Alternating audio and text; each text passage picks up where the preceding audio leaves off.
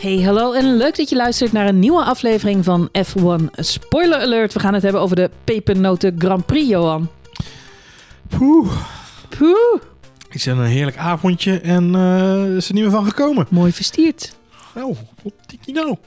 Ik weet niet hoe jij het ervaart, Marjolein, maar ik voel me intussen een beetje Mhm. als Frodo in het Mhm. laatste hoofdstuk van Oh, Lord of the ja. Rings. Inderdaad. Nou, die film ook. Ik heb de boeken niet gelezen, maar in die film dat je denkt, is hij nou nog niet bij die berg? En Ik- dan moet ik- hij nog door een moeras en dan moet hij nog door die lava. Nou ja, en, we zijn eh, een beetje in de, in de, in de Formule 1 versie van eh, de Lord of the Rings trilogie beland. Ja, dat inderdaad. die ja. ring moet nou naar Mordor. Ja, ja. En in ja, Maar als hij Sam niet had gehad, dan was hij er nooit gekomen, eh, eh, noemen we, Gasly noemen we Sam, denk ik maar, voor het geval. En eh, even kijken. Dat, oh, eh, Sauron, dat oog van Helmut Marko. Ik dacht, eh, Dus, eh, oh kom, ja, oh nee. kom. Nee, maar dat, dus dat oog van Sauron is dan Helmut Marko's oog. Lijkt me prima oplossing. Helmoet Marco, Toto Wolf. Je hebt een heel ander rollenspel in je hoofd. ik heb maar één, één oog van Sauron gezien deze Grand Prix. Dat was toch zeker weten Toto Wolf. Dat was denk ik heel Twitter met me eens. Ja, maar ja, die gooide iets anders eh, aan de gruzelement in plaats van de ring. Ik zag berichtjes voorbij komen van mensen die zeiden... ik zit voor het eerst van mijn leven Formule 1 te kijken. Nee, ik kijk, ik kijk Formule 1 met mensen die nog nooit van hun leven Formule 1 hebben gekeken. En die denken dat Toto Wolf een hele enge, nare man is. Ja, het is wel grappig, want een hele hoop mensen hebben het over dat eh, Christian Horner zo zijn temperament kan verliezen. Of zo temperamentvol kan zijn. nou, ik vind het vooral komisch om te zien hoe heel Twitter zich tegen Toto Wolf heeft gekeerd in een aantal weken tijd. Ja, nou, Dus weinig meer over van die sportieve, heeft Toto zelf ook wel een beetje gezellige sportman. ik zag Susie Wolf er, er- ernaast staan. Ik denk, eh, nou, die, ziet er ook, eh, die heeft er ook wel eens vrolijker uitgezien. Ja, Eh, die denkt ik moet vanavond weer het met zal die geen zonnetje in eh, huis zijn momenteel. Precies, ik moet die kerel vanavond weer eh, een beetje rampje, tot, de rust brengen. Als zeg hij maar. boos is, is hij boos, hè? Ja, nou ja, goed. Geen eh, gezelligheid. Nee, nee. nee. Günther Steiner is er niks bij. Die kun je beter op de borrel hebben, volgens mij. Ja, die vloekt alleen maar de hele tijd. Ja, die vloekt alleen maar. Maar volgens mij, volgens mij is hij veel aardiger dan Toto Wolf in de is meer een familieman, hè? Is meer Ja, een dat familiemens. denk ik. Familiemens.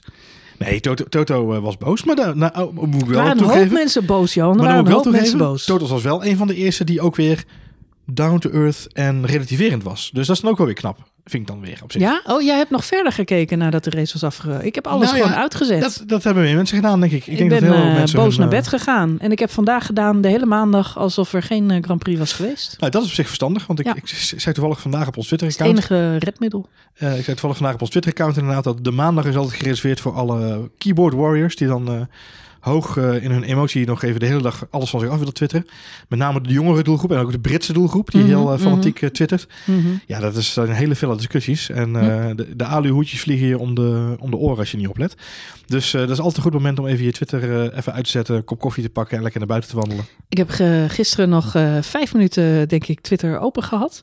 En toen zag ik dat Damon Hill een tweet postte. Die ging een polletje doen. Om te informeren wie nou echt de driver of the day had moeten worden. En dan had je alleen de keuze Lewis Hamilton, Max Verstappen. Oh ja. Ja, toen stond Max Verstappen op, op 33% wat dan wel weer grappig was. Ik weet niet wat de einduitslag is geworden, maar het was voor mij wel het moment om een eh, Twitter definitief voor de rest van de avond uit te zetten. Ja, Ik nou ja, denk niet dat, dat Damon Hill zo heel veel Max Verstappen volgers heeft. Dus nee, eh, nee, maar mijn automatische reactie, objectieve mijn enquête automatische- was het niet, hè? mijn automatische reactie is sowieso zodra ik een tweet van Damon Hill zie, zet ik mijn Twitter uit. Dat is echt gewoon. eh, Ja, ik irriteer, me, ik irriteer me wel dood natuurlijk aan die, aan die twee kampen discussie. Het is echt, eh, ja, Ajax Feyenoord zoals, zoals ik het eigenlijk nooit heb meegemaakt. Dit is, dit is harder dan, eh, ja, harder dan wat dan ook. ja, en, en harder daardoor- dan, eh, harder dan we hebben kunnen. Harder dan we hebben kunnen. Maar ja, de- we hebben het al vaak aan gerefereerd. Maar Prost en Senna, daar, daar, daar heeft iedereen het natuurlijk over. Maar dat is eh, voor Nee. onze tijd. En heb denk- ik althans niet, eh, ik niet denk dat meegemaakt. Damon Hill ook nog wel een klein Schumacher eh, complexje heeft. Dat heb ik dan weer wel meegemaakt. Maar eh, ehm, ja, goed, het was. Ik kan daar toch. Ik zit daar veel aan te denken. Aan al die titanenstrijden die we in het verleden hebben gezien. Ik kreeg een hele goede luister. of eh, kijktip van een van onze luisteraars, Amber. Dank nog. Documentaire op ehm, YouTube. Ja. Over de titanenstrijd tussen Nico Rosberg en Lewis Hamilton in 2014. Ja. Als je hem niet gezien hebt, absoluut aanrader. Origins of the Silver War. Moet je even opzoeken op, eh, op YouTube. Maar het is een, eh, een uur lang, geloof ik. Maar het is een compilatie van eigenlijk het hele seizoen. En het is heel knap ehm, geknipt en geplakt, want het is... eh, ja, het ja, het inderdaad. is, het is eigenlijk gewoon een jaaroverzicht, maar dan, maar dan spannender met ook persconferenties en fragmentjes erin. Dus, eh, dus eh, echt een genot om, om te kijken. Ehm, maar ja, daar, ook dat, dan zie je hoe heftig het daaraan toe gaat. En in het begin van het seizoen zijn het nog soort van Vrienden. vrienden, praten ze nog met elkaar. Ja, ja. Maar ja, het, voor de, voor de Verstappen-fan is het, is, het, is het wel weer een eye-opener om te zien. Omdat je eh, ja, de sfeer natuurlijk ziet verharden gedurende het seizoen. Ja. En je ziet ook wat er dan allemaal uit de kast wordt getrokken. En die Hamilton, dat is natuurlijk ook geen lievertje. Nee. Die, die, wil je, die doet wel poeslief. Maar onderaan de streep is dat natuurlijk eh, ja, iemand die net zo graag wil winnen als, eh, als de ander. En Nico Rosberg, ja, dat, is, dat is ook een typetje. Ja. Maar die twee die halen elkaar letterlijk het bloed onder de nagels vandaan. Dat is echt heel heftig om te zien. Nou, in recente geschiedenis hebben we natuurlijk nog Vettel gehad en, eh, en En Hamilton. Ja, 2018 inderdaad, ja.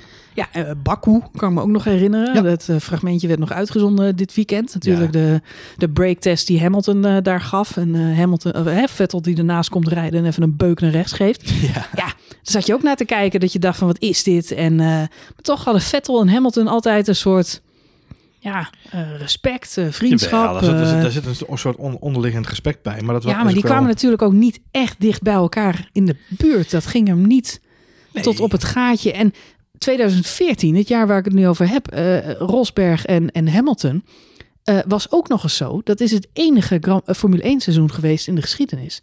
Waarbij in de laatste Grand Prix van het seizoen dubbele punten te halen waren. Ja, klopt inderdaad, ja.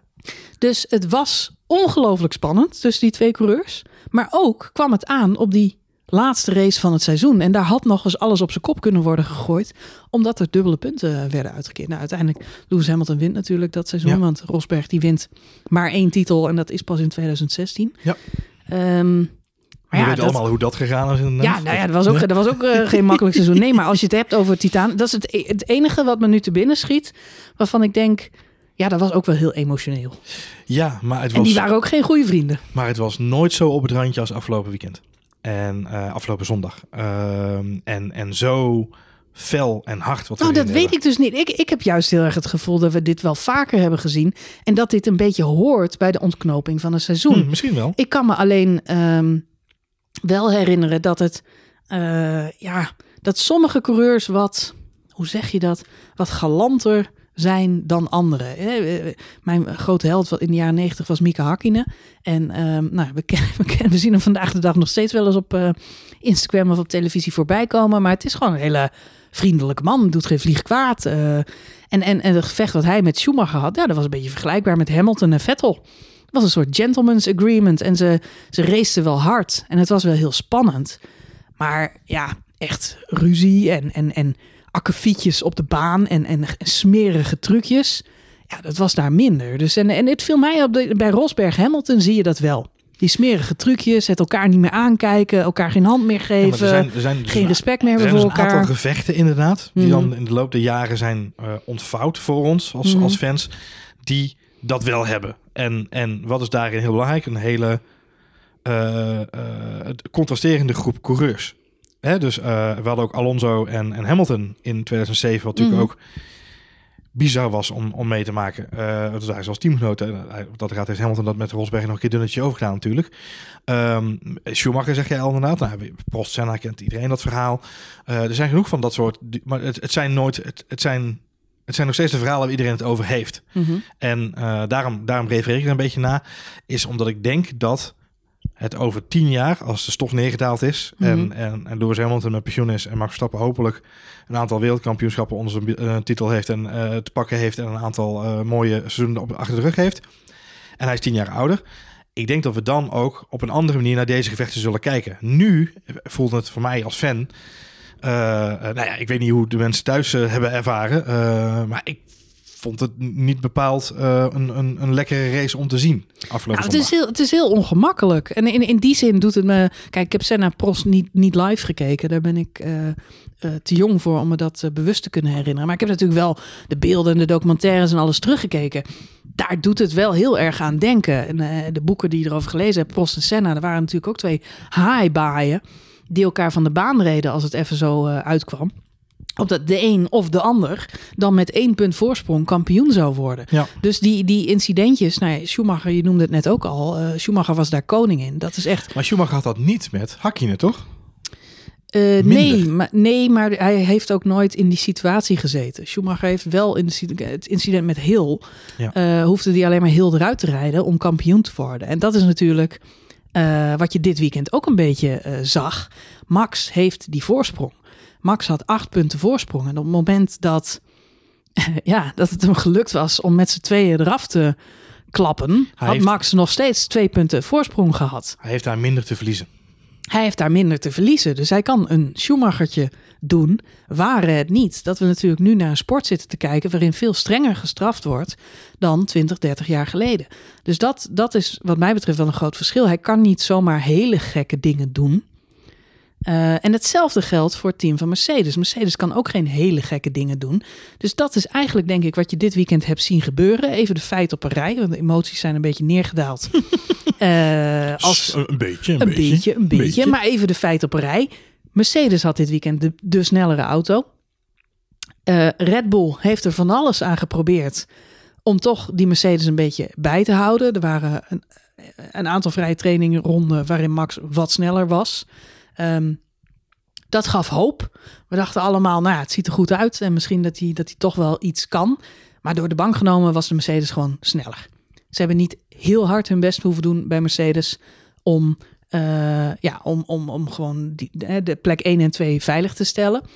Dan zegt iedereen, ja, maar zaterdag dan. En die mega-ronde waar Max Verstappen mee bezig was. Die mega-ronde waar Max Verstappen mee bezig was, was wat mij betreft Max Verstappen die over zijn limiet gaat. Dat was een ronde die hij eruit perst in een Red Bull die eigenlijk niet harder kan. En hij zet alles op alles. Hij zet zijn tanden op elkaar en hij gaat harder dan hij ooit gegaan is. Je hebt de beelden gezien van Alonso, die samen met Jack Ploy naar die ronde staat te kijken. Alonso die houdt zijn adem in en zegt oeh, oeh, oeh. Omdat het zo krap is. Het doet veel denken aan Canada of andere stratencircuits waar de, waar de eh, Monaco Waar de, waar de muren en de vangrails allemaal zo dichtbij zijn. Het was ook nog eens een baan waar we niet zo vaak gereden hadden. Dus Max heeft natuurlijk wel veel in de sim gezeten. Dus hij, hij, heeft, hij heeft gedacht, ik heb die plek drie, die staat. En ik ga over de limiet. Ik ga extra tandje bij. Hij pakte één tiende in het eerste stukje. Hij pakte nog een tiende in het tweede stukje. Wie weet wat hij in het derde stukje nog allemaal gepakt had. Maar het gevolg was dat hij in die derde stint met zoveel snelheid, met zoveel ja, durf aankwam, dat hij daar de muur raakt. En dan kun je zeggen, oh, stomme fout van Max Verstappen. Maar ik denk niet dat het een stomme fout van Max Verstappen was. Ik denk dat Max Verstappen in die auto is gestapt en een bewuste keuze heeft gemaakt om niet 100%, maar 110% die ronde te rijden. Zo graag wilde hij die pole position. En hetzelfde geldt voor de rest van het weekend.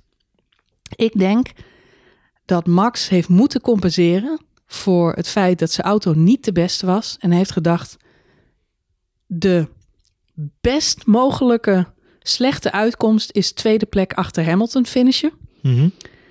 De aller, allerbeste optie is natuurlijk winnen. Of Hamilton die uitvalt. Of... Mhm. Maar hij had maar één goal. En dat was in elk geval niet onder de slechtste beste optie scoren.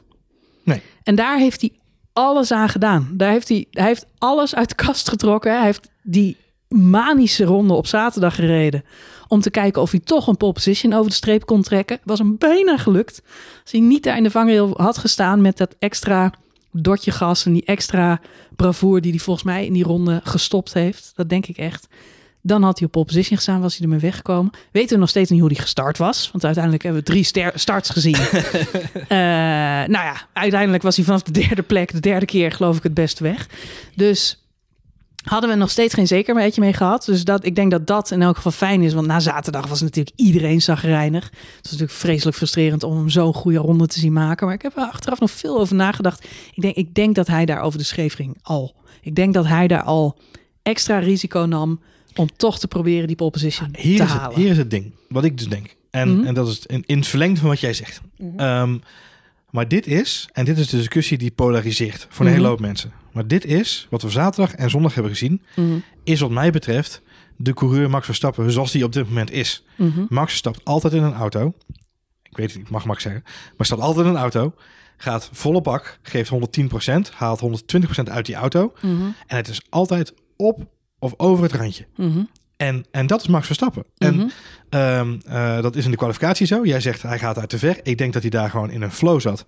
Ik denk niet dat hij te ver ging. Misschien voor de auto. Dat zou kunnen.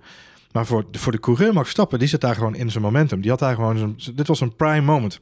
Het enige verschil dit weekend, eigenlijk het hele seizoen, als je het aan mij vraagt, want ik heb, ik, we baalden met z'n allen zaterdag. Dus ik heb er zaterdag heel veel, niet heel veel over nagedacht. Ja, wel, het, slijpt toch door je hoofd heen. Ik heb er zondag na afloop van de race nog veel over nagedacht. En ik heb ook dingen terug zitten kijken. En dit is 24-jarige Max Verstappen. En pak eens een 24-jarige Lewis Hamilton erbij. In zijn McLaren-tijd.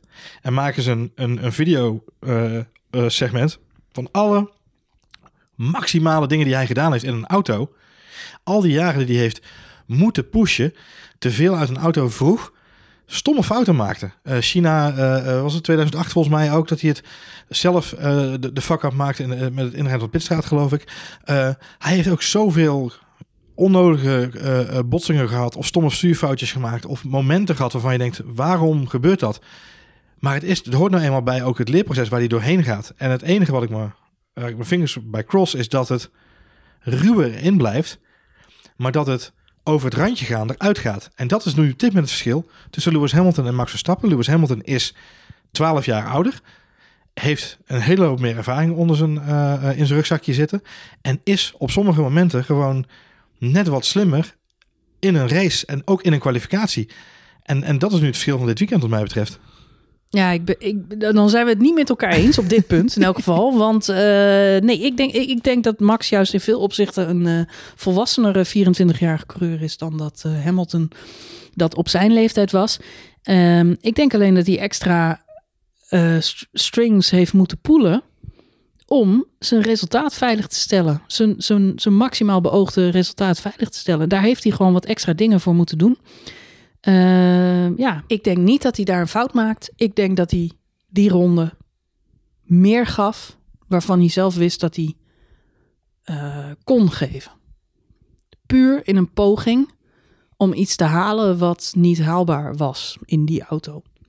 Eh, Ja, het zou kunnen. Als hij hem, af, als hij hem afrijdt, die ronde, dan is het er eentje die de boeken ingaat als een van de snelste en mooiste ja, als kwalificatierondes het hem ooit. gelukt was, dan was het een gouden rondje geweest. Ja.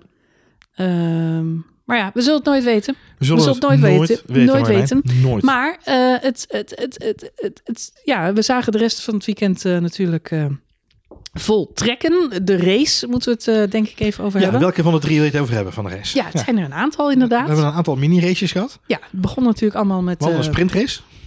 we hadden een sprintrace inderdaad van tien rondjes. Ja. Het ging eigenlijk verbazingwekkend goed. Eh, overigens eh, nog even een gevolg van die, eh, van die crash in de, in de kwalificatie was natuurlijk dat er nog uitvoerig naar de auto van Max moest worden gekeken. Ik heb ook zaterdagavond de hele avond niet gekeken. En Geen nieuws gevolgd. Eigenlijk tot zondagochtend. Dat ik als de dood was dat die versnellingsbak vervangen moest worden. We kunnen ons allemaal nog herinneren. Charles Leclerc in Monaco. Ja. Parkeerde hem ook in de laatste bocht in de vangrail. En rolde de volgende dag naar de start. En is helemaal nooit gestart vanaf zijn mooie pole position. Nee. Dus daar was ik heel erg bang voor. Nou Ik denk, heb wel ik ik denk wel dat ze bij Red Bull daardoor extra nog even gekeken hebben rondom ik- de auto. Precies. Ik heb wel iets meer vertrouwen in de Red Bull engineers dan in de Ferrari engineers. Ja, maar dat is wel een goeie, hè? want dit ging het op Twitter ook over. Hè? Mensen zeiden van, eh, oh Charles Leclerc, oh Charles Leclerc. Ja. Maar Charles, eh, ik, ik, ik we hadden het opgeslagen dat het aan de andere kant van de, want ze hebben aan de rechterkant had hij Mhm. die impact. Ze hebben aan Mhm. de andere kant van de auto zijn, hebben ze niet gekeken. Nee. Had ik opgeslagen in mijn hoofd. Ik moest even goed opzoeken wat nou het verhaal was. Maar het had niet eens te maken met die versnellingsbak. Het was een wielnaaf die gewoon eh, gescheurd was. Dus het was een hele andere ongerelateerd issue. Wel aan die crash, maar niet aan die versnellingsbak. Nee, Dus niet dat, goed gecheckt. Ik denk dat ze bij, eh, bij Red Bull wel even met de, de 3D-scanner eh, eh, over, het over de hele auto heen zijn gegaan. Ja, maar wat ik ook een andere insight die ik heel interessant vond, dat is, jij vertelde dat zondag voor de race. Dat is dat de versnellingsbak uiteindelijk niet vervangen is door Red Bull. Eén, omdat ze daar dan een straf natuurlijk voor zouden krijgen. Maar ook omdat als ze die straf zouden krijgen, zouden ze starten vanaf plek 8. Vijf plekken straf. Ehm, en uit de simulaties kwam naar voren dat Max dan nooit terug naar het podium zou kunnen rijden. Nee. En dat vond ik een hele interessante. Vooral omdat het gedurende de race vrij snel waar bleek. We wisten natuurlijk helemaal niet wat we konden verwachten van, eh, van deze baan. We wisten wel dat het een hele hè, snelle baan was. Vandaar ook Mercedes hartstikke sterk. In de eerste sector eh, liep Max steeds weg bij Lewis Hamilton. In de snelle sectoren die daarna kwamen, met name de derde sector, verloor hij het steeds op, eh, op de motor. Zoals Christian Horner zei, de eerste sector is gemaakt voor coureurs. Mhm. De andere twee sectoren zijn gemaakt voor motoren. Exact. Dus eh, ja, het, eh, Max die moest het ergens vandaan halen. Eh, dat, dat deed hij heel goed op die, op, die, op die korte stukjes. Maar ja, je zag al vrij snel in de, in, de, in de race, na de start, dat er, ja, er viel gewoon op de baan niet zo heel veel te halen. Het was gewoon aansluiten achter die Mercedes'en. En, en volgen. Wat natuurlijk heel vervelend was, is dat Bottas daartussen zat. En die tweede plek was prima. Die derde plek eigenlijk niet. Dus er moest wat gebeuren. Eh, ja, toen kwam eh, Mick Schumacher eh, om de hoek. Nou ja, die kwam eh, eigenlijk niet om de hoek. Of was hij wel om de hoek gekomen? Nee, ja, ik moest toch wel meteen aan het record van zijn vader denken. Jij niet? Ja, precies. There will be no eighth. There will be no eight. Nee, eh, eh, kijk, Schumacher gaat op de plek waar we in de trainingen ook al Carlos Sainz en, en met name ook Charles Leclerc natuurlijk Charles Leclerc, ja. hard te vanaf hebben zien gaan. En eigenlijk was het een kopie van de crash van Charles Leclerc, ook op hetzelfde plekje. Achterwaarts die muur in daar, die Tech Pro Barrier. Ehm, en ja, weet je, dat is een moment, je ziet hem staan, je ziet de safety car en je denkt, oh, dat is een flinke klap geweest. Maar ik had niet de realisatie dat het, dat het een Tech Pro Barrier was. Dus Dat wist je van de, van, de, van de training van de kwalificatie. Maar Nou, dat had jij niet in de gaten, maar er waren er nog een aantal. Ja, onder andere bij Mercedes inderdaad. Hadden ze dat niet door. Nou, ik moet zeggen, Stroll en Russell, die reden natuurlijk op dat moment net voorbij de pitstraat. Die kregen gelijk een seintje naar binnen, naar binnen. Die reden ook niet heel ver eh, vooraan, die zaten ergens achterin. Ja. Ehm, dus dat haalde niet zo heel veel uit. Maar eh, bij Mercedes dachten ze, mooi, safety car, wegen lekker pitten, pompiedompidom. Wat, ehm, eh, ja, in hindsight, moet ik misschien toch maar even de vinger op de zere plek leggen. De plek. Ja. Een zwerende plek misschien ook wel. Maar het is gewoon een hele domme beslissing van, eh, van Mercedes die daar gemaakt wordt. Ja, ja, zij zijn niet de enige, want volgens mij eh, eh, gaat er nee, een dat heel groot deel zeker van niet. Nee, Leclerc gaat naar binnen, Perez gaat naar binnen, Norris, Alonso, Latifi. Nou, Stroll, Russell zijn nog geweest. Negen van de op dat moment nog 19 coureurs gaan naar binnen. Er is dan, als we het hebben over pesterijtjes van Mercedes, want die zijn er net zo goed. Max trekt een hoop dingen uit de kast dit weekend om, om, de, om toch maar bij te blijven. En ik, ja, ik, ik, ik moet toch zeggen, ik geef hem er ook wel een beetje gelijk in. Want hoe anders haal je een wereldkampioenschap eh, over de streep? Maar Mercedes, die kon er ook wat van, Johan. Want ik heb nog even die beelden terug zitten kijken van die, eh, van die stipjes op die kaart. Maar Bottas, die staat bijna in de parkeerstand.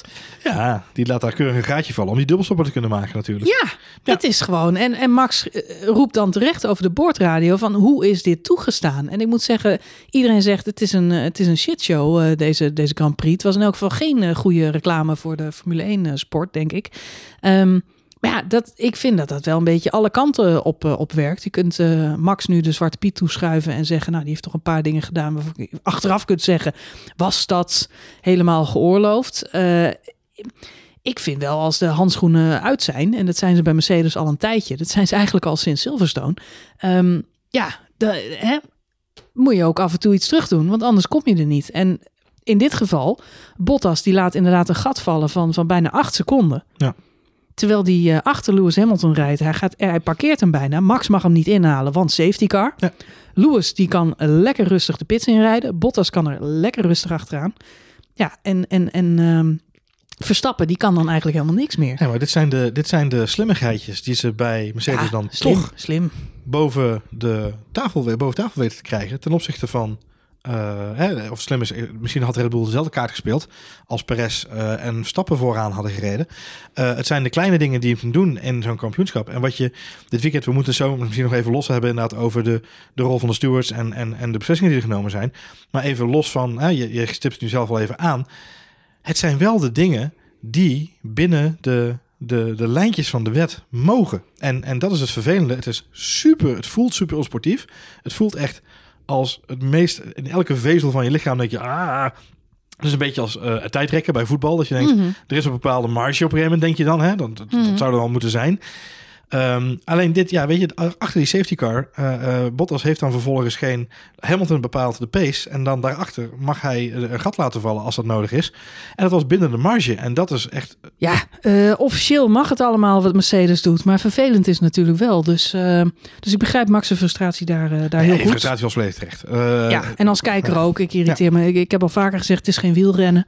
en Mercedes die, die maakt het daar af en toe wel naar. Maar goed, we rijden de pits in. Tenminste, er zijn negen coureurs die de pits inrijden. Er zijn tien coureurs die dat niet doen. En die profiteren daar best aardig van. Max is één van. Die gaat van zijn derde naar zijn eerste plek. Ocon, die we later nog terugzien vechtend om een podiumplek die hij uiteindelijk net misloopt. Gaat van de zevende naar de vierde plek. Profiteert ook daar flink. Ricciardo, Gasly, Sainz, Giovinazzi, Tsunoda, Raikkonen, Vettel, Mazepin. Allemaal niet gestopt. Achteraf, slimme zet. Want wat gebeurt er? Rode vlag. Dus een gratis rondje. Een gratis pitstop. Ja. Identieke situatie aan... Silverstone, Imola.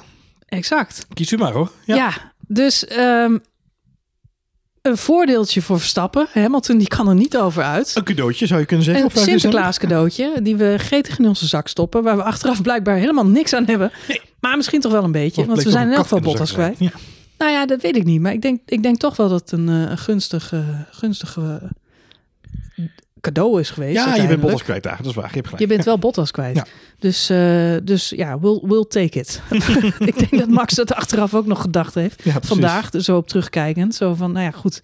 You win some, you lose some. En, uh, en dit was toch wel, uh, wel een mooie. En laten we niet vergeten, Hamilton die heeft deze ook al zo vaak gehad gratis banden wisselen, vleugels vervangen. Jij zegt net Silverstone. Wat hebben we allemaal al wel niet gezien? Silverstone maar die, heeft dus een beetje het hele waar die mee weg is gekomen, joh. Wat hij allemaal voor eh, mazzel heeft gehad. Uh, Imola was het Imola volgens mij? Ja, Imola waar die gewoon uh, de auto natuurlijk recht door het grind inrijdt. En vervolgens onder de rode vlag teruggesleept kan worden. Of terug kan knorren. Wat een mazzel. En uiteindelijk nog de punt in kan rijden zelfs. Ja, vreselijk irritant. Maar goed, dus ja, dat, wat dat betreft, ja. Max was zeker niet de enige die daar profiteert. Het lijkt een beetje alsof hij de enige is die zo'n groot voordeel krijgt. Maar dat is niet waar, want er zijn meer coureurs die gewoon slim buiten blijven. We zaten in ronde 10, 11, 12 van de wedstrijd. Uiteindelijk komt die uh, rode vlag pas in uh, ronde 15.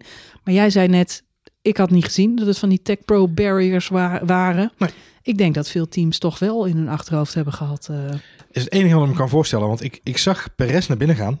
Uh, en toen dacht ik, en daarna zag ik de dubbelstop van Mercedes. En toen riep ik, dan gaat Max er gelijk achteraan. Dat kan haast niet anders om op die manier in ieder geval vast proberen Bottas te pakken. Dat zou een, een, zijn kan natuurlijk ook een split second zijn, uh, beslissing zijn geweest... omdat Bottas hem zo aan het ophouden was. Dat ze gedachten, nou... Uh, maar aan de andere kant, het, het verhaal wat jij vertelde voor de wedstrijd... dat ze bij Red Bull al die scenario's allemaal hebben doorberekend... doet mij vermoeden dat zij gewoon alles hebben doorberekend ook dit soort dingen. En dan kun je zeggen van ja, hoe kun je dit soort incidenten nou doorberekenen? En dan bedoel ik niet op de ronde nauwkeurig. Nee. Maar ik denk wel dat zij rekening houden met if this then that. Als de Mercedes allebei pitten en we krijgen een safety car in ronde 0 tot ronde 15 van de, van de wedstrijd. Ja. En een Mercedes gaat naar binnen, blijven wij buiten. Na ronde 15 pitten wij wel, omdat we dan ook zelf nieuwe banden moeten hebben. Ik noem maar wat. Nou ja, maar ik denk dat ze, omdat ze dat zo zeker wisten dat ze niet op plek 8 wilden starten, denk ik dat ze hier ook een. Ja, in elk geval ja, was natuurlijk vooraf een, een, een, scenario. En dat was als die safety car lang genoeg buiten bleef, uh, dan kon je een eenstopper maken. Nou, er zijn natuurlijk meerdere stops geweest. Dus mhm, uiteindelijk mm -hmm. is die eenstopper nooit echt geweest. Uh, um, maar er was een scenario waarbij als je volgens mij ronde 20, 22, mm -hmm. of misschien zelfs wel iets verder, kon doorrijden op die mediums en mm -hmm. goede snelheid kon houden, dan zou je uh, in principe met een eenstopper weg kunnen komen. En dan ga je naar hards en dan rij je naar de race ja. uh, uit. Dan zet je nieuwe hards die, die Max nog had uh, liggen in de garage. Ja. Um, nou is het zo dat volgens mij dat scenario is wat Red Bull ook meegenomen heeft bij die afweging om Max te laten doorrijden. Mm -hmm. Dus het is een 50-50 gok. Komt er een, een, een, safety of een red flag. Nou, dan krijgen we een gratis pitstop. Zijn we ook gedekt. Ja. Hartstikke dikke prima. En anders gaan we voor die En anders gaan we voor die eenstopper. Ja. Wetende dat Hamilton en Bottas terug zijn gevallen in de pickorde. Want ja. uh, jij zei net, ook Ocon is er tussen gekomen. En, ja, uh, Ricciardo reed ook door. Dus uh, je kreeg ineens een hele gewijzigde top, top 5. Je had Verstappen op 1. Ocon ineens op die, op die tweede plek. Ja. Want die reed ook door. Hamilton daarachter. Dan Ricciardo en dan Bottas. Precies. Dus er stonden ineens ja, weer zo'n vervelende McLaren. Ja. En, en een Renault. Er stonden ineens twee auto's tussen. En dat gaf Max natuurlijk ook weer wat lucht. Nou ja, dus dat is een beetje het verhaal wat daar natuurlijk zich, eh, zich ontvouwt voor Red Bull. Eh, natuurlijk is er bij Mercedes dan in één keer een heleboel eh, eh, verrassing als er dan wel een rode vlag komt. Mhm. Want ja, die realiseren zich. We zijn er binnen gegaan. We hebben de plek, de track position opgegeven. Mhm. Jij zegt zelf al inderdaad terecht net, er valt weinig te halen als het gaat om eh, echt goed inhalen. Je moet wel echt van goede huizen komen, wil je hier eh, snel... Tenzij je een Mercedes motor hebt, dan kun je dat is goed natuurlijk het grote voordeel. Op de witte band. En dat wisten we. Op de witte band was die Mercedes Razendsnel. Dus zij waren in die zin aan de ene kant teleurgesteld dat er een rode vlag kwam. Omdat Max Verstappen natuurlijk een gratis wisseltje kreeg. Ja. Aan de andere kant, eh, ja, is natuurlijk eh, eh, voor hun het voordeel dat zij al de bandjes erop hadden zitten. En eigenlijk redelijk... Ja, daar zeg je wat. Want zij hadden daar zeker een voordeel van. Als we dan die herstart zien, dan denken we allemaal... nou, Max start nu op pol. Nu komt het helemaal goed. ja. Eh ere wie ere toekomst. Eh, Lewis Hamilton had natuurlijk een, een wereldstart. Die komt daar hartstikke goed weg. Ocon die, die speelt geen enkele rol van betekenis op dat moment in elk Nee. geval. Ehm, maar ja, ook in die opwarmronde naar die herstart toe... zien we natuurlijk weer dat de Mercedes'en aan het treiteren zijn. Ja. Want die gaan super langzaam rijden. Waarom doen ze dat? Max die staat dan langer stil. Die had al geen temperatuur in zijn banden, want die zijn hagelnieuw. Komt net uit de pitstraat gereden. Ja, de- de- dat is gewoon pech. Dus bij de start sta, sta je dan op witte banden die ja, niet goed verwarmd zijn. En eh, ja, er komt, dan komt er gewoon een Mercedes om je oren. Max probeert daar natuurlijk eh, de plek eh, terug te winnen. Dat doet hij helaas buiten de baan. Ja, en dat kost hem uiteindelijk... eh, ja, eh, dat zou hem een, een, een straf gekost hebben. Of hij zou te horen hebben gekregen, je moet je plek teruggeven. Waren het niet dat daarachter natuurlijk een eh mega na crash afloop kun je zeggen. met de kracht van terugkijken. Gelukkig gaat hij daar buiten om, want ik zag de beelden terugkomen van die herstart. Mhm. Weet je wie daar als een malloot achter eh, Max Verstappen aankomt rijden? Mhm. Met blokkerende wielen?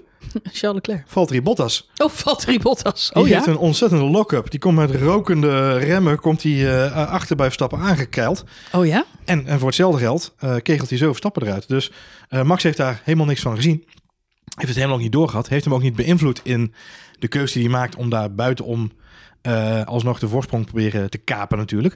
Maar eh, als je de beelden terugkijkt eh, en je ziet, het was er een foto die ook van bovenaf gemaakt is, schuin van boven. En dan zie je echt zo'n zo'n Mercedes achter Max met piepende banden. Oh, oh, maar nu zet ik even aluhoortje op. Denk jij dat dit een bewuste een moordaanslag van de heer Valtteri Bottas was? nee, dat denk ik niet. Zit de denk- zoveelste sabotagepoging van Mercedes? Ik denk dat Valtteri Bottas dit jaar al meerdere keren heeft laten zien dat hij bij de start af en toe een momentje heeft.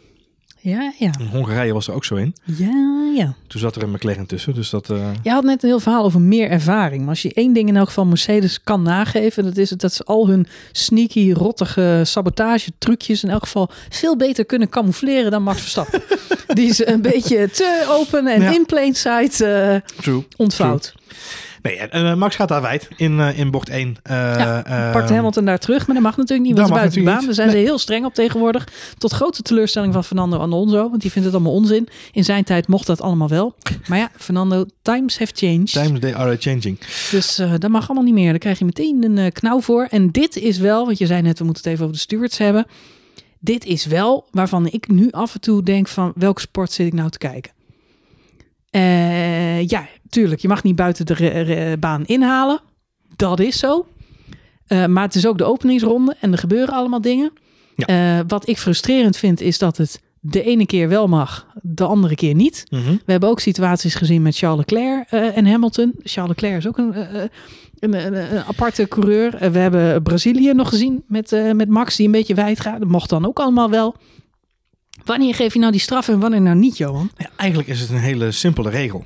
Hm. Je mag namelijk nooit buiten de baan inhalen en een voordeel krijgen. Hm. Dus Max Verstappen wist, en Red Bull wist ook, dat die plek natuurlijk nooit behouden mocht worden.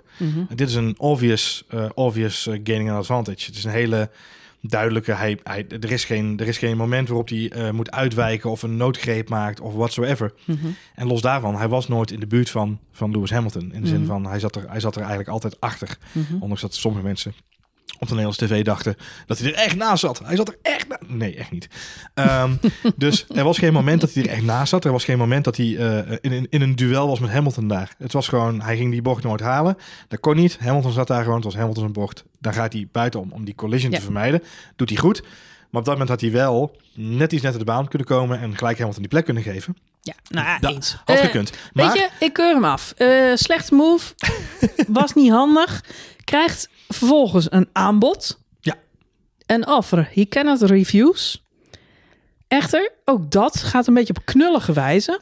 Want over de boordradio horen we tegen Red Bull vanuit de wedstrijdleiding voor die eh, situatie inhalen buiten de baan krijgt Max of eh, krijgen, geven we Max het aanbod om vanaf de tweede P2 tweede plek te starten. Waarvan wij allemaal denken, P2, P2, nou lijkt mij prima. Ja. Start die lekker achter Ocon. Want Ocon die staat op dat moment eh, tweede in de, in de pickorde. Want die, die pakt Hamilton gewoon weer, eh, weer daarin.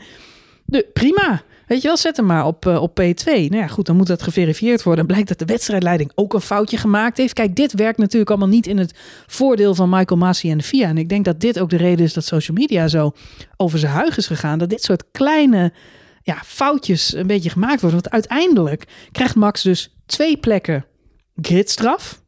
Om het feit, en dat heeft er natuurlijk mee te maken dat Hamilton benadeeld is. Maar in de praktijk betekent het dat Max twee plekken terug moet. Zodat Hamilton dan maar weer zijn voordeel. En ja, Ocon is daar eigenlijk de, de mazzelaar. lachende derde. Ja, de lachende derde, die gaat met het botten vandoor. Want die mag dan pole position starten. Nou weten we dat het uiteindelijk Max de beste start is. Ja. Dus driemaal is scheepsrecht. En, en het komt allemaal goed. En vanaf die derde plek starten, dat is dan hartstikke, ineens hartstikke goed. Alleen ja, het is natuurlijk wel heel raar dat dit zo... Het, het eh, zit hem in die, eh, ja, die, dat hele verhaal met die, eh, met, die, met die communicatie van de FIA. Er zijn twee dingen die natuurlijk heel, heel erg polariserend werken. Eén is, het is tegenwoordig allemaal mee te luisteren. mhm. Dus we horen ineens die communicatie tussen die teams. En we horen ineens dat er gewoon ook wel gelobbyd wordt. Hè? Michael, heb je mijn e-mail gelezen? Hey eh, Michael, ik vind het niet helemaal goed kunnen. Hallo, ehm, eh, Race Control, eh, hier is Michael. Doe mij maar twee, twee bier en een kebabje. Het is, ehm, dus dat is iets wat, hè, het ligt in één keer open op straat. We horen in één keer alles.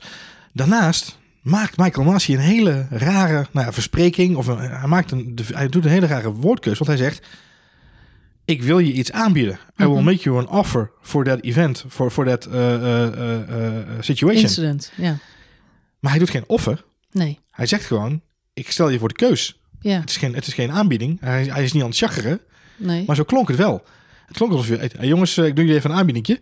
Nee, hij zegt gewoon heel simpel. Jongens, twee opties. Of je pakt deze straf, of ik stuur het naar de stewards. Krijg je sowieso een, een, eh, een tijdstraf. Ja. Weet je niet waar je gaat starten. Ja. En dat is eigenlijk een hele logische. Dat is eigenlijk heel erg goed dat hij dat doet. Ja. Want feitelijk houdt hij daarmee het, het, het- de race clean, vrij van Ja. straffen, geen gezeik. Dus eigenlijk is dat dikke prima. Ja. Alleen de woordkeuze en, en de manier waarop hij dat communiceert, dat maakt het voor fans gewoon verwarrend. En dan gaat het inderdaad mis. Volgorde, wie wat waar. Nou goed, uiteindelijk, eh, de- iedereen uit de hoge. We gaan beginnen met eh Ocon op pole, Hamilton 2 en Verstappen op 3. Ja, wat natuurlijk prachtig is voor Ocon. Ja, die heeft daar een, eh, eh, een soort on- eerste onofficiële pole te pakken. Ja, nou ja, goed. Hij heeft natuurlijk al een ra- race gewonnen dit jaar. Dus, eh, Wat eh, zien we gebeuren bij de Formation Lab van deze openingsronde? mhm, Een herhaling van zetten. mhm, De Mercedes gaan weer eh, eh, lekker eh verlangzamen van Kiet. mhm. Max komt natuurlijk weer over de boordradio. En dan komt de volgende verwarrende factor uit de hoge hoed. Namelijk, dit is geen Formation Lab. Nee. Het is daadwerkelijk een raceronde.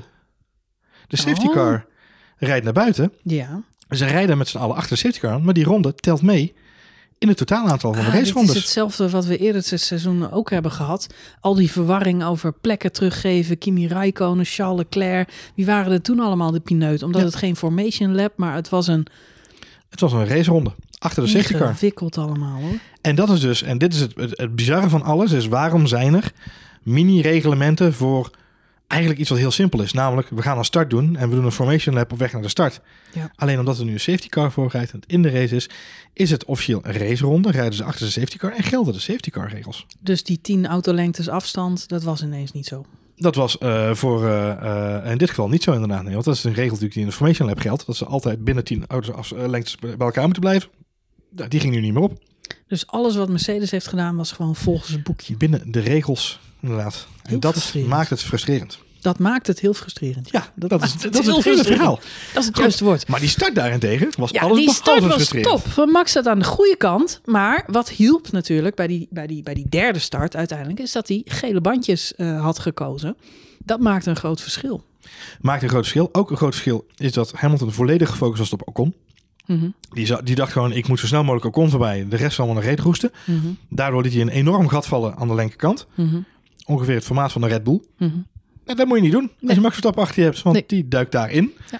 En, credits naar Max. We hebben het er vandaag al even over gehad. Altijd op het randje. Altijd, eh, altijd snel. eh, en altijd proberen ja, gaatje wat er is te pakken. Mhm. Clean. Ja. je, gewoon er doorheen. Haalt zijn bocht. Ja, het was de beste start. Beste start. Prima gedaan. Ja, daar kon je niks over zeggen.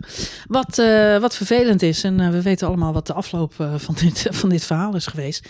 Dat is dat Max op die gele band eh, zit. We weten allemaal, die houdt het eigenlijk niet zo heel lang vol. Ehm, de derde herstart, die kwam natuurlijk, of de derde start moet ik, moet ik zeggen. Kwam natuurlijk omdat er ja, twee keer een rode vlag was. Ronde 15, ronde 16. Ja, helemaal nog in het begin van de wedstrijd. Ja. En dan sta je op die gele band. En dan is het gewoon nog ongelooflijk lang naar de finish toe. Pitten is geen optie. Want eh, dan ben je sowieso je plek kwijt. Eh, er moest ook nog eens ontzettend defense gereden worden. Want Bottas zat er nog eh, achter. Ook Con mengde zich in het, Ja, in het hele Bottas verhaal. zat gelukkig natuurlijk wel achter de Ricciardo-blokkade. Dus dat was natuurlijk Ja, wel een voordeel. Die zat scheelde achter de bekende McLaren Ja, dat, kostte gelukkig wel genoeg tijd dat uiteindelijk, ook al kreeg Max nog, nou moet ik niet overdrijven, maar al, al had hij 20 seconden penalty gekregen, had hij er nog net voor gezeten. Nou, 20 was wel het mandje, randje geweest inderdaad. Ja. was op het randje geweest. Maar nee, ja, Ricciardo die doet daar in principe goede zaken. En ook Ocon, die weet eh, Bottas nog lange tijd achter zich te houden. En dat, eh, uiteindelijk is dat fijn. Want eh, dat zorgt er in elk geval voor dat die Mercedes uit het zicht raakt. Ja. En met al die penalties, Max toch uiteindelijk die tweede plek. Beter. Het, maxim, het maximale slechtst, best, het slechtst het is beste de- scenario wat de wilde worst, hebben. de worst best scenario. ja. ja. de worst best De worst best scenario. Ja, dat is het. Ja, hebben we natuurlijk nog een klein akkefietje voordat we Ja. daar komen. Mhm. Klein dingetje. Klein We dingetje. zien er heel even over Klein. hebben. Ja, nou ja. Want hij krijgt natuurlijk die penalties uiteindelijk. Het zijn er 15, hè, 15 seconden die hij krijgt. Moeten we het daar nog over hebben? Nou ja, wat wel grappig is, is een hele hoop mensen zijn een beetje kwijt wat Mhm. daar nou gebeurde. Mhm. Wat in hemelsnaam. Ja, ik ben wel de tel kwijt hoeveel penalties hij nou gehad heeft voor hetzelfde vergrijp. Nou, en dat is het grappige. Kun je dat even uitleggen? Ja, ik ga het proberen zo goed mogelijk Ja. uit te leggen. Dat de mensen thuis snappen, hè? Zonder dat ze weer opnieuw boos worden, net zoals ik. Ja, dat gaat niet lukken. Eh, want over zodra ik begin te denken aan de hele situatie, word ik alweer gefrustreerd. Hm. Het verhaal is als volgt. Eh, Max had een, een setje mediums, die hadden, het gewoon heel erg zwaar. Lewis had een super goede super snelle auto. Ehm, alles wat eigenlijk in, de, in het weekend opgebouwd was, Hm. was al een beetje klagen. Want eh, weet je, de, de, er zat een verkeerde banden set op. In die zin dat die gewoon veel snel versleten. Max wist eigenlijk wel dat het heel moeilijk zou worden om met die mediums tot het einde van de race te kunnen blijven knokken tegen Hamilton. En Hamilton, Waarom hebben ze dan bij Red Bull toch die keuze gemaakt voor die gele band? Voor die start. ik denk voor die start. Om van 3 naar 1 te gaan en dan te kijken hoe ver ze zouden Kijken hoe ver ze kunnen wegrijden. En misschien nog een safety car of iets. Je weet denk- niet wat er gaat gebeuren. Je weet niet wat er gaat gebeuren. En ik denk dat ze gerokt hebben op die start. En dan zoveel mogelijk, zo hard mogelijk wegrijden in de beginfase. En, En in elk geval die tweede plek dan toch veiligstellen. hopen dat Ocon daar natuurlijk nog tussen zou kunnen blijven zitten. ja, en Bottas op afstand kon houden. nou Wat ja, met name ook Hamilton is. natuurlijk op, op afstand houden. Maar kijk, want- Ja, maar Hamilton, daar weet je van. Die sluit gewoon aan. nou ja, maar het was, kijk, nu is het zo. Op dit circuit weet je niet eh, eh, waar het beste moment is om zo'n auto in te halen. En Ocon is Mhm. ook iemand die eh, in één keer een, een gekke move uit de hoogte kan toveren. Omdat hij hè, ook onder spanning rijdt. En dat hij ook gewoon wil verdedigen natuurlijk. Zoals Alonso zou zeggen, defend like a lion. Dus ik denk dat ze natuurlijk ook wel gehoopt hebben van hopelijk bij die start. Een beetje malaise, blijft Ocon ervoor. Maar Zou, zou Max zelf om die gele band gevraagd hebben? Om hem toch, hij heeft natuurlijk twee keer geen beste start op die witte band gehad. Mhm, mhm. Zou hij zelf gezegd hebben, doe maar geel. I'll make it work, maar dan kom ik er in elk geval voor. Ja. En dan kan ik hem zo lang mogelijk achter me houden. Dat was natuurlijk in Brazilië ook de strategie. Hoe langer je hem achter je kunt houden. Uiteindelijk kun je hem niet tegenhouden. Lewis Hamilton is Lewis Hamilton en hij zit in een veel snellere Mercedes. Dus je, kunt, je had hem nooit kunnen tegenhouden. Zeker niet op een mindere band. Maar hoe verder je uit kunt lopen vooraan, hoe verder je in elk geval eh, vrije lucht hebt, niet afhankelijk bent van de spelletjes van Mercedes eh, en hopelijk Bottas op een groot genoeg gat kunt rijden, waardoor je zeker weet de tweede wordt achter Lewis Hamilton. Ja, en wellicht, en wellicht zelfs nog inderdaad die pitstop kunnen pakken voor de snelste ronde. Wat natuurlijk nu niet gelukt is helaas. Wat nu niet gelukt is. Vanwege het feit dat hij die, eh die straf had. kreeg, maar Ja. eh, Nou, die straf dus, hè? Ja, daar, daar, de- met die, om, met die uiteindelijk komt die move van met, Hamilton. Met die, met die Jeddah-vormige omweg kwamen we naar deze laat, move. Ja, je weet wist, je, de move die je wist die zou komen. Ja. Die komt in ronde 36 uiteindelijk. herhaling Eh, van Brazilië, het is gewoon weer, je zit erop te wachten en nou, ziet dat met DRS-gat één- klein met worden. één groot verschil. Ja. En dat is, Max heeft echt een enorme bak overstuur op dit moment. En Mhm. waar je in Brazilië nog kon twijfelen, wil hij de bocht wel halen, ja of Mhm, nee? mhm, Ik, ik denk dat hij gewoon heel slim verdedigend reed in Brazilië. Daar hebben we het uitgebreid over gehad. Had hij hier wel degelijk echt overstuur. Ehm, kon hij daar gewoon in die zin niet zoveel aan doen. Ja, hij, hij raakt daar de controle kwijt. Waardoor ze alle twee weer naar buiten moeten. Forcing a driver off the track. Vervolgens rijdt hij door en blijft hij aan kop rijden. Nou, dan krijgt hij te horen, eh, al over de boordradio... je moet die plek teruggeven, eh, maar doe het strategisch. Nou, volgens mij hebben de Mhm. meeste mensen deze boordradio nog wel gehoord inderdaad. En Max besluit om in, we lopen dus ronde 37, eh, te wachten tot de ene laatste bocht. De laatste bocht, sorry. Om te zorgen dat hij daar, voor het DRS-detectiepuntje, dat plekje kan teruggeven. En hij schakelt vier versnellingen terug. Hij schakelt terug, hij schakelt terug, hij schakelt terug. Remt Lewis Hamilton zit achter hem Mhm. en die denkt, what's going on? Wat gebeurt hier? Precies. Nou, we hebben de verklaringen van de beide coureurs gehoord. We hebben ook de straf intussen gehoord. Lewis Hamilton zegt, ik wist niet wat er aan de hand was. Ik ben achter hem blijven rijden. En op een gegeven moment gaf hij eh, een klap op de remmen. En ik kon er niet meer omheen. Nou, dat Mhm. is inderdaad het ongelukkige moment. Is Lewis Hamilton gaat er net langs. En op dat moment trapt Max op de rem. Mhm. Dat, is, hè, dat is nu de uitleg van de stewards ook. Helmut Marco zegt, onze data zegt iets anders. Mhm. Dus dit verhaal krijgt nog een Helmut Marco-vormig staartje. Ehm, maar dat krijgt het altijd helaas in de, in de pers. Ehm, oh, oh, oh, oh, oh. Maar ehm, eh, wat, wat er eigenlijk aan de grondslag ligt... is de miscommunicatie tussen Mercedes, de FIA en met Hamilton. Want op het moment dat de FIA relayed naar Mercedes... hey, je kunt hem inhalen... Mhm. of hij, laat je, hij geeft jullie de plek terug... op dat moment zit Hamilton al in de versnellingsbak van Max... En op het moment dat Mercedes over de boordradio komt, klappen ze op elkaar. En het is dus echt split second, miscommunicatie, mishap, waar u tegen zegt. Op dat moment krijgt Max te horen, dot gas geven, rij maar weg. Want eh, eh, zijn engineer, eh, GP, denkt op dat moment, nou ja, nu gaan we opnieuw naar de stewards. Want het krijgt dan alsnog een staartje, dit verhaal. Probeer dan maar weg te rijden, vijf seconden. Dan realiseren ze al vrij snel bij Red Bull, dat gaat niet werken. We kunnen geen vijf seconden wegrijden, want de banden van Max hebben een optater gekregen. Aan de achterkant zitten twee grote scheuren in. Hij kan niet wegrijden, die banden zijn Nee. nu echt helemaal op. Ja. Dus hij realiseert zich, oké, dan ga ik de plek teruggeven, want ik wil geen gedonder hebben. Weet je wat... eh, het was natuurlijk een rare remactie hè, van Max. Het was natuurlijk een bewustje. Hij doet dat natuurlijk op een moment waarvan hij weet dat hij Hamilton laat schrikken. En zijn twee scenario's. Of Hamilton haalt hem in en heeft hij aan zijn straf voldaan. Of Hamilton klapt er achterop. Ik denk oprecht Ja. dat hij niet bewust een breaktest gedaan heeft. Ik denk oprecht dat hij alleen maar wilde remmen voor de DRS-lijn. Ik denk dat ze alle twee alleen maar bezig waren met niet voor de DRS-lijn. En ik denk dat Max niet gerealiseerd heeft dat Hamilton op dat moment In zijn slipstream al zat. zo dicht erachter zat. Op dat moment al zo... Ik, ik denk oprecht, maar misschien Nou, is dat het naïef. zou, ja, dat zou goed kunnen. Maar, Maar, ik, denk, ik denk dat hij niet, niet heeft gedacht, hij gaat er nooit zo dicht op zitten dat hij nu al achterop me klapt. En dat gebeurde wel. Ik denk dat het enige wat, ze, wat hij heeft willen forceren is, ik moet zorgen dat ik niet voor die DRS-lijn eh, eh, nog voor hem zit. eh, bij, bij die DRS-lijn. Dus ik moet zorgen dat ik in ieder geval nog ja, harder want ga remmen. even om jouw verhaal af te maken, wat hij hoopte, is Ja. wat hij later alsnog deed. Dat is Hamilton er voorbij laten, daarna gelijk DRS pakken en dan Hamilton opnieuw inhalen, weer terugpakken. Ja. Dat is wat hij in zijn hoofd had. Klopt. Strategisch de plek overgeven noemen ze dat. Ja. Ja, dus, dus het scenario wat we uiteindelijk later nog zien gebeuren, Ja. is wat Max eigenlijk in zijn hoofd had. Ja, met die verstanden dat hij dat uiteindelijk deed in ronde eh, in bocht 23, 24. Mhm, En eigenlijk in één combinatie gelijk alweer terug, Hamilton terugpakte. mhm. Daarvan is bekend, dat is te kort. Dat mag niet. Dat is geen echte overgave, om zo maar even te Heeft zeggen. Hamilton ooit zelf gedaan. 2008, 2008 refereerde hij nog aan in het Ja. interview na afloop. Ko- Kostte hem 20 seconden penalty. Een, ja, een flinke penalty. Dus dat is niet eh, wa- wat je wil doen. Maar het zal in elk geval, dat, jij, ja, het zou kunnen dat Max dat in het hoofd heeft gehad. Als dat niet zo is en hij, en hij heeft gedacht van ja, dan ga ik hier maar eh, een beetje stilstaan en dan kijken wat er gebeurt. En misschien haalt hij me in en misschien klapt hij erachterop. Hoe wonderbaarlijk is het dat Hamilton door kan rijden na Ja. die crash. Ja, dat is het geluk van de En- kampioen. Je zou, je zou ook kunnen denken, als Hamilton zijn vleugel daar echt stuk had gereden. Kijk, uiteindelijk zet Hamilton gewoon nog snelste ronde na snelste ronde neer met die vleugel. Dus eh, dat geeft wel aan hoe goed de Mercedes is. Want zelfs met een, eh, een vleugel die op half elf aan kun je nog gewoon... Zijn, eh, zijn front- en wingplate was stuk. Maar laten we wel eerlijk zijn. Het is een Mercedes Mhm. in vrije lucht.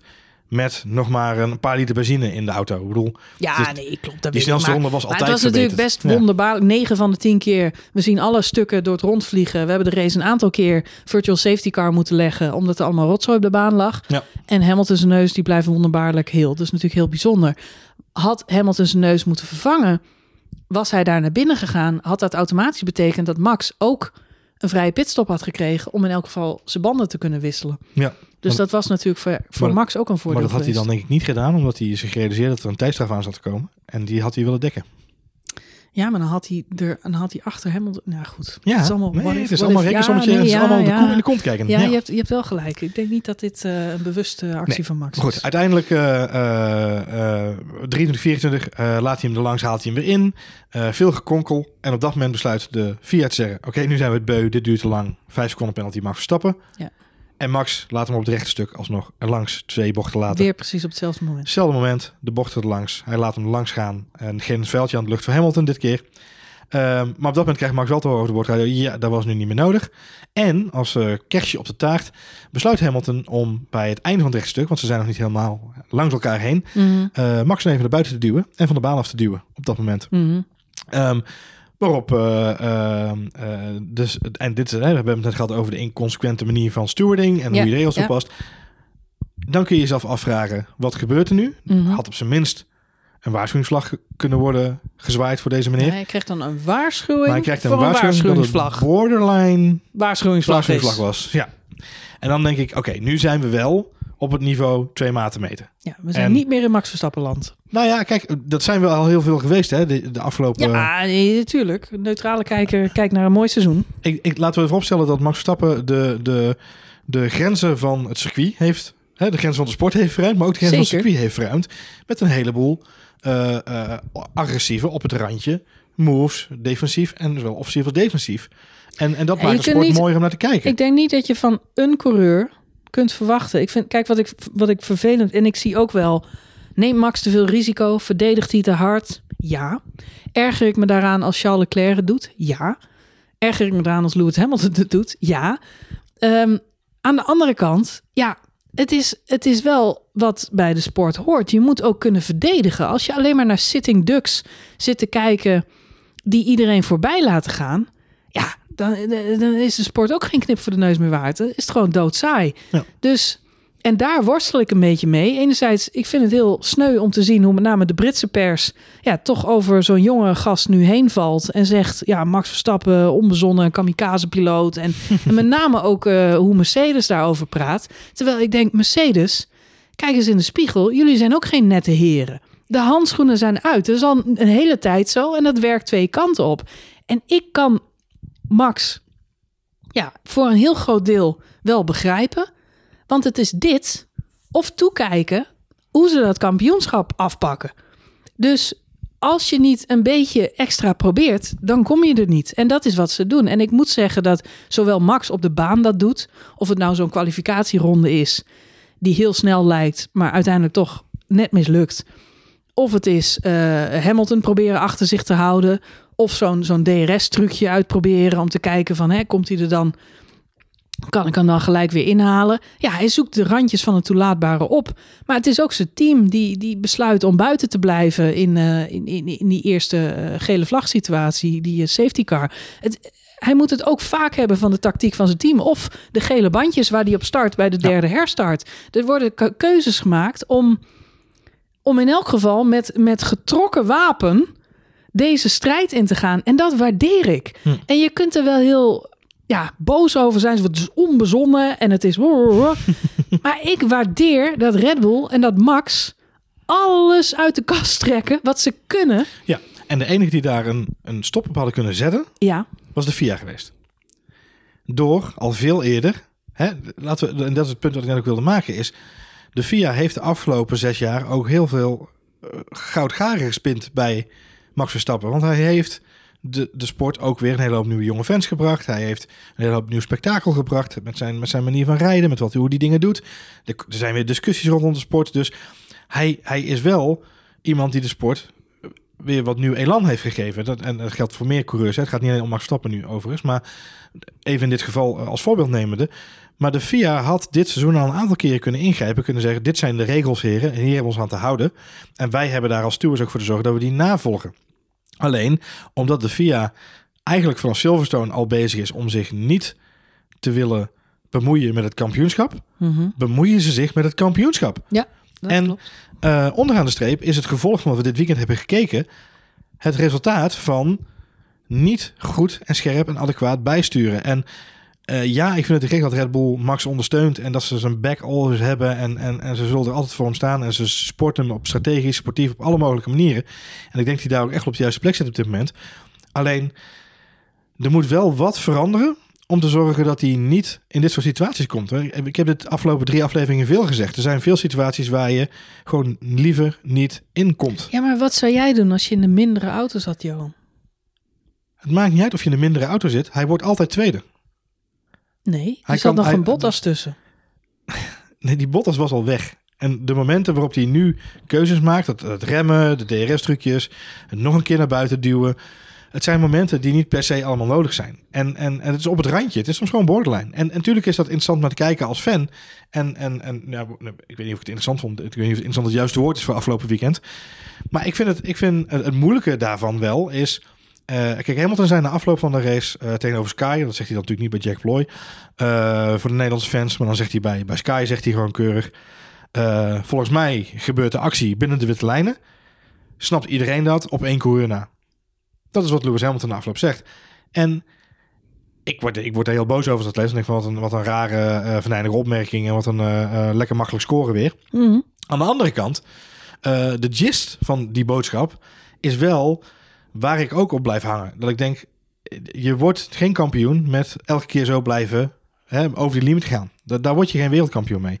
Dus jij zegt, hij, geeft het, hij strijdt voor een wereldkampioenschap. En ik twijfel nu soms of, hij, of dit hem niet uiteindelijk te veel punten, tijd en uiteindelijk misschien wel kampioenschappen gaat kost- kosten als dat niet beter geraakt.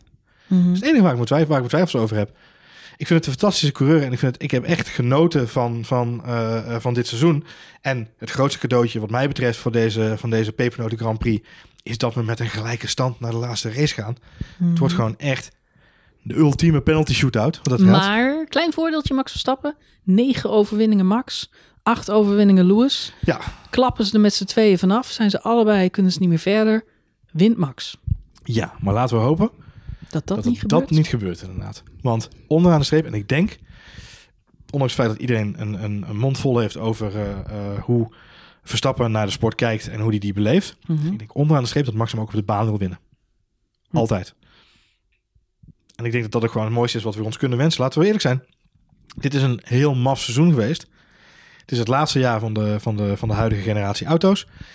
Ik denk dat we ons geen betere afscheidstournee hadden kunnen wensen van deze auto's. Want laten we eerlijk zijn, het was de afgelopen jaren soms een beetje saai.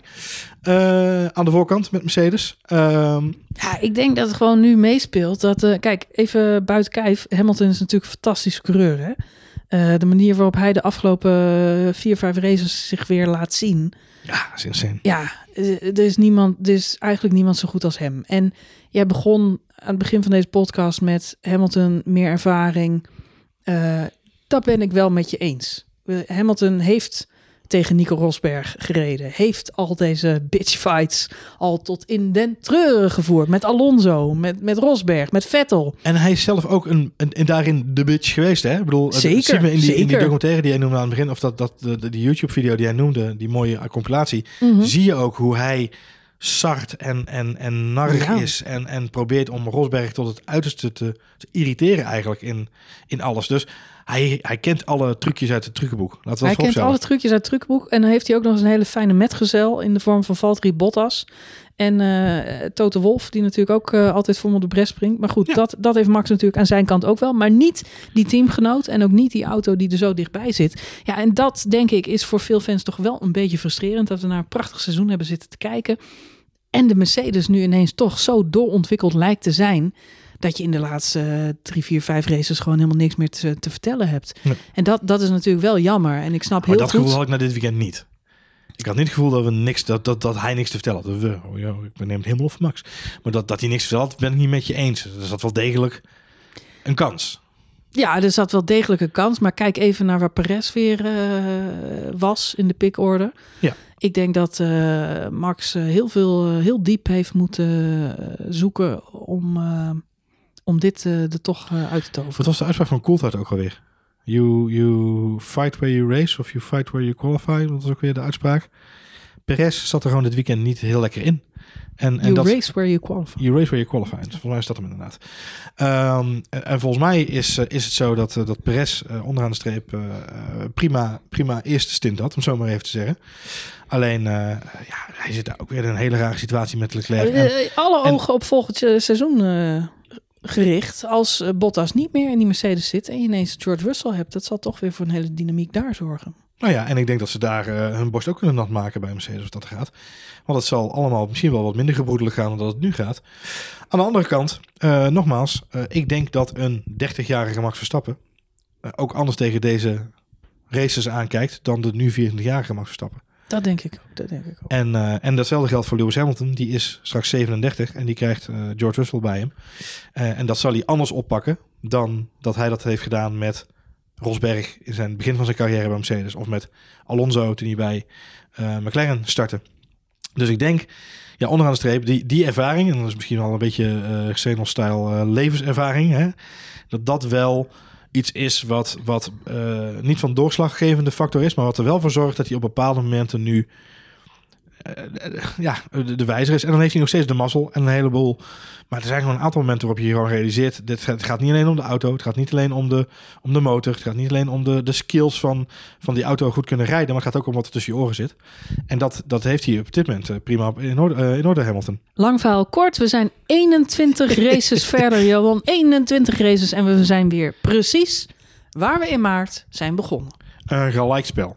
Een gelijkspel, alsof het 0-0 is. Een brillenstand. En nu- Frodo, nu de berg op. Het komt allemaal neer op Abu Dhabi. Ja. Mogen de beste man winnen? ja. En mogen dat maar Max Verstappen zijn. Dat zou toch leuk zijn? Het zou eh, voor ons eh, heel erg leuk zijn. En misschien is het ook toch wel een, eh, ja, een voordeel dat het daar dan op de baan moet gaan gebeuren. Als Mercedes daar gewoon by far de snelste is en je hebt er niks te zoeken, ja, dan.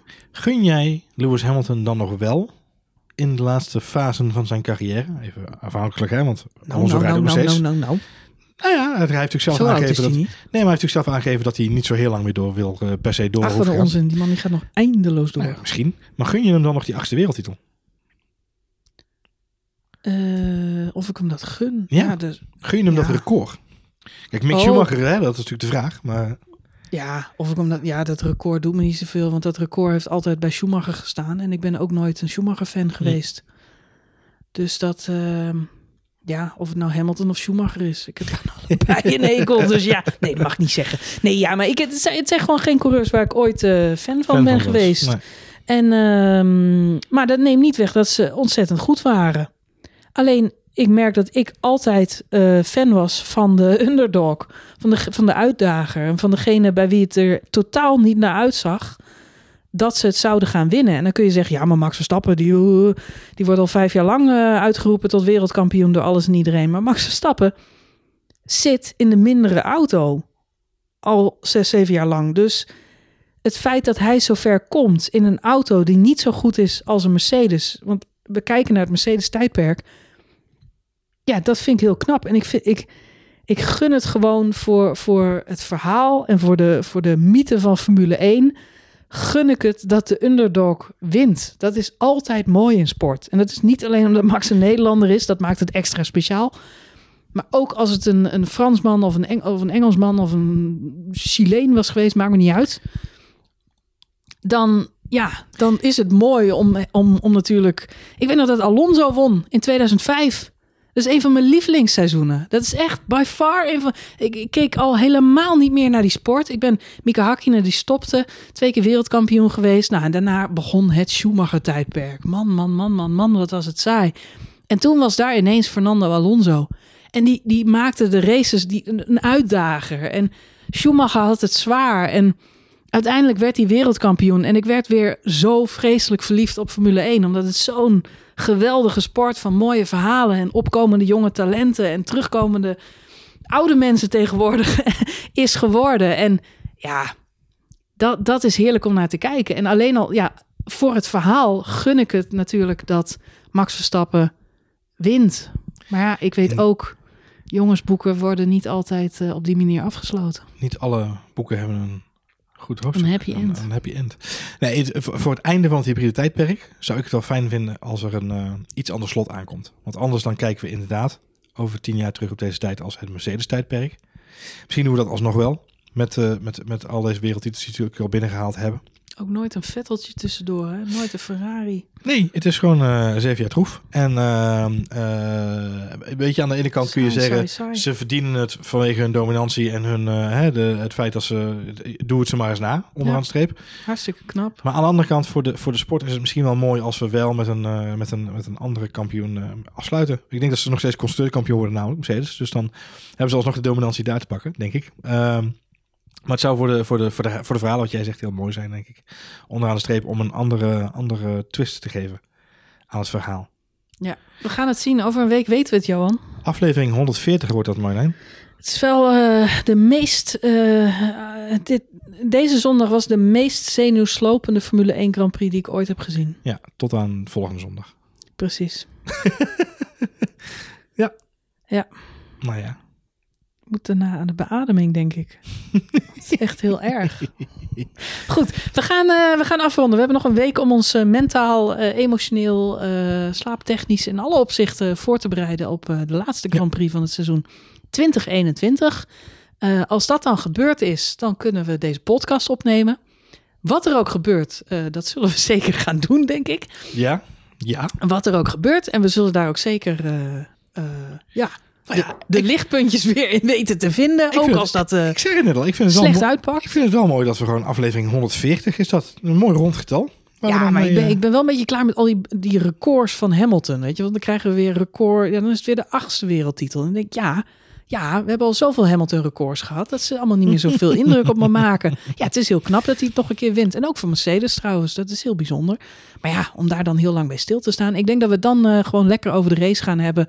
En ja, eh, waar de kansen al dan niet eh, verdwenen voor het team van Red Bull. Om, Of we eh, moeten het om gewoon eens even hebben over Ferrari hebben. Die gewoon heel soepeltjes naar de derde plek in het kampioenschap rijden. Ah, dat, eh, niemand heeft ze in de gaten, maar eh, gaat hartstikke goed. In Trouwens, bag, McLaren wel weer een beetje gecompenseerd, hè, deze race. Opgekrabbeld. Maar Ja, omdat Lando Norris ja. uiteindelijk maar tiende wordt. Ja. Is, eh nou ja, Binotto wilde nog net niet eh, toegeven dat, het, dat het in de bag was. Maar eh, Bij Renault zijn ze happy, hè? daar gaat het hartstikke goed. Ondanks de vierde plek van Ocon, werd natuurlijk op de start-finish nog voorbij gereden door Valtteri. Ja.